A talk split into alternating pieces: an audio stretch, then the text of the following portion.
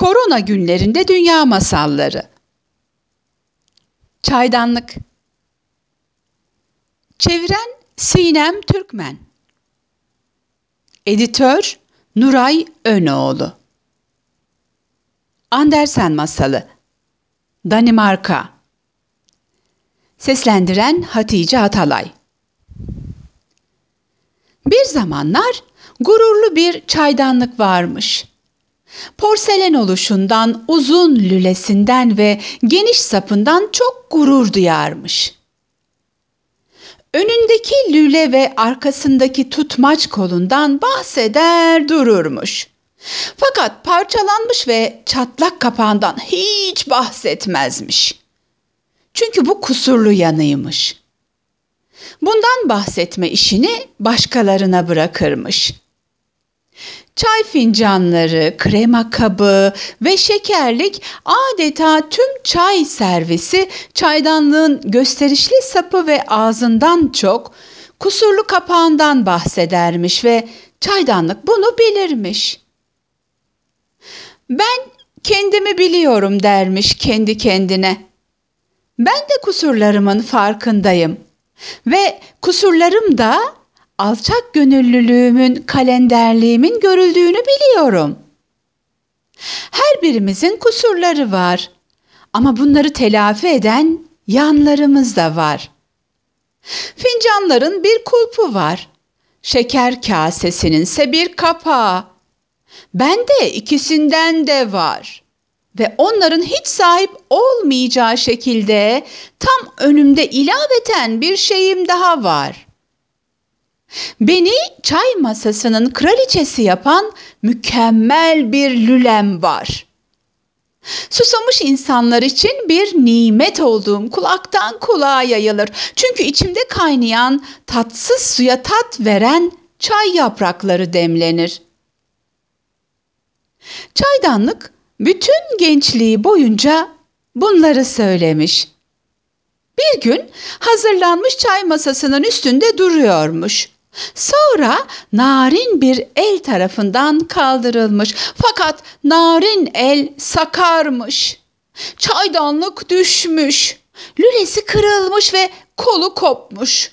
Kapağın hali daha beter değilmiş. En beteri kulpun ve lülenin başına gelmiş. Çaydanlık yerde baygın yatarken içinden kaynar sular akıyormuş. Korkunç bir manzaraymış ve daha da korkuncu herkesin alay edip dalga geçmesiymiş. Sakarel'in sahibiyle değil, zavallı çaydanlıkla alay edip dalga geçiyorlarmış. Bu deneyimi hiç unutmayacağım demiş çaydanlık geçmişinden bahsederken. Beni işe yaramaz kabul edip bir köşeye kaldırdılar. Ertesi gün erzak dilenen bir kadına verildim. Yoksulluğa düştüm. Sesim, soluğum çıkmaz oldu. Fakat sonra layık olduğum daha güzel hayat başladı. Bir şey olabilirsiniz ve sonra bambaşka bir şeye dönüşebilirsiniz. İçime toprak konuldu. Bu bir çaydanlık için gömülmekten farksızdı fakat toprağın içine bir çiçek soğanı gömülüydü. Onu oraya kim koymuştu, kim vermişti bilmiyorum ama çay yaprakları ve kaynar su için kırılmış lülem ve sapım için bir telafiydi. Çiçek soğanı toprağın içindeydi. Toprak da benim içimdeydi.'' Filizlenen çiçek soğanı benim kalbim oldu. Yaşayan bir kalp, daha önce bir benzerine hiç sahip olmadığım bir kalp. İçimde yaşam vardı, güç ve kuvvet. Kalp attı ve çiçek soğanı filizler verdi. Bu çiçek açan düşüncelerin ve duyguların büyümesiydi. Onu gördüm onu içimde tuttum ve onun verdiği zevkte kendimi kaybettim. Bir başkasında kendini unutmak büyük bir mutluluk. Çiçek bana hiç teşekkür etmedi. Hatta beni hiç düşünmedi. Fakat Ona hayranlık duyuluyor.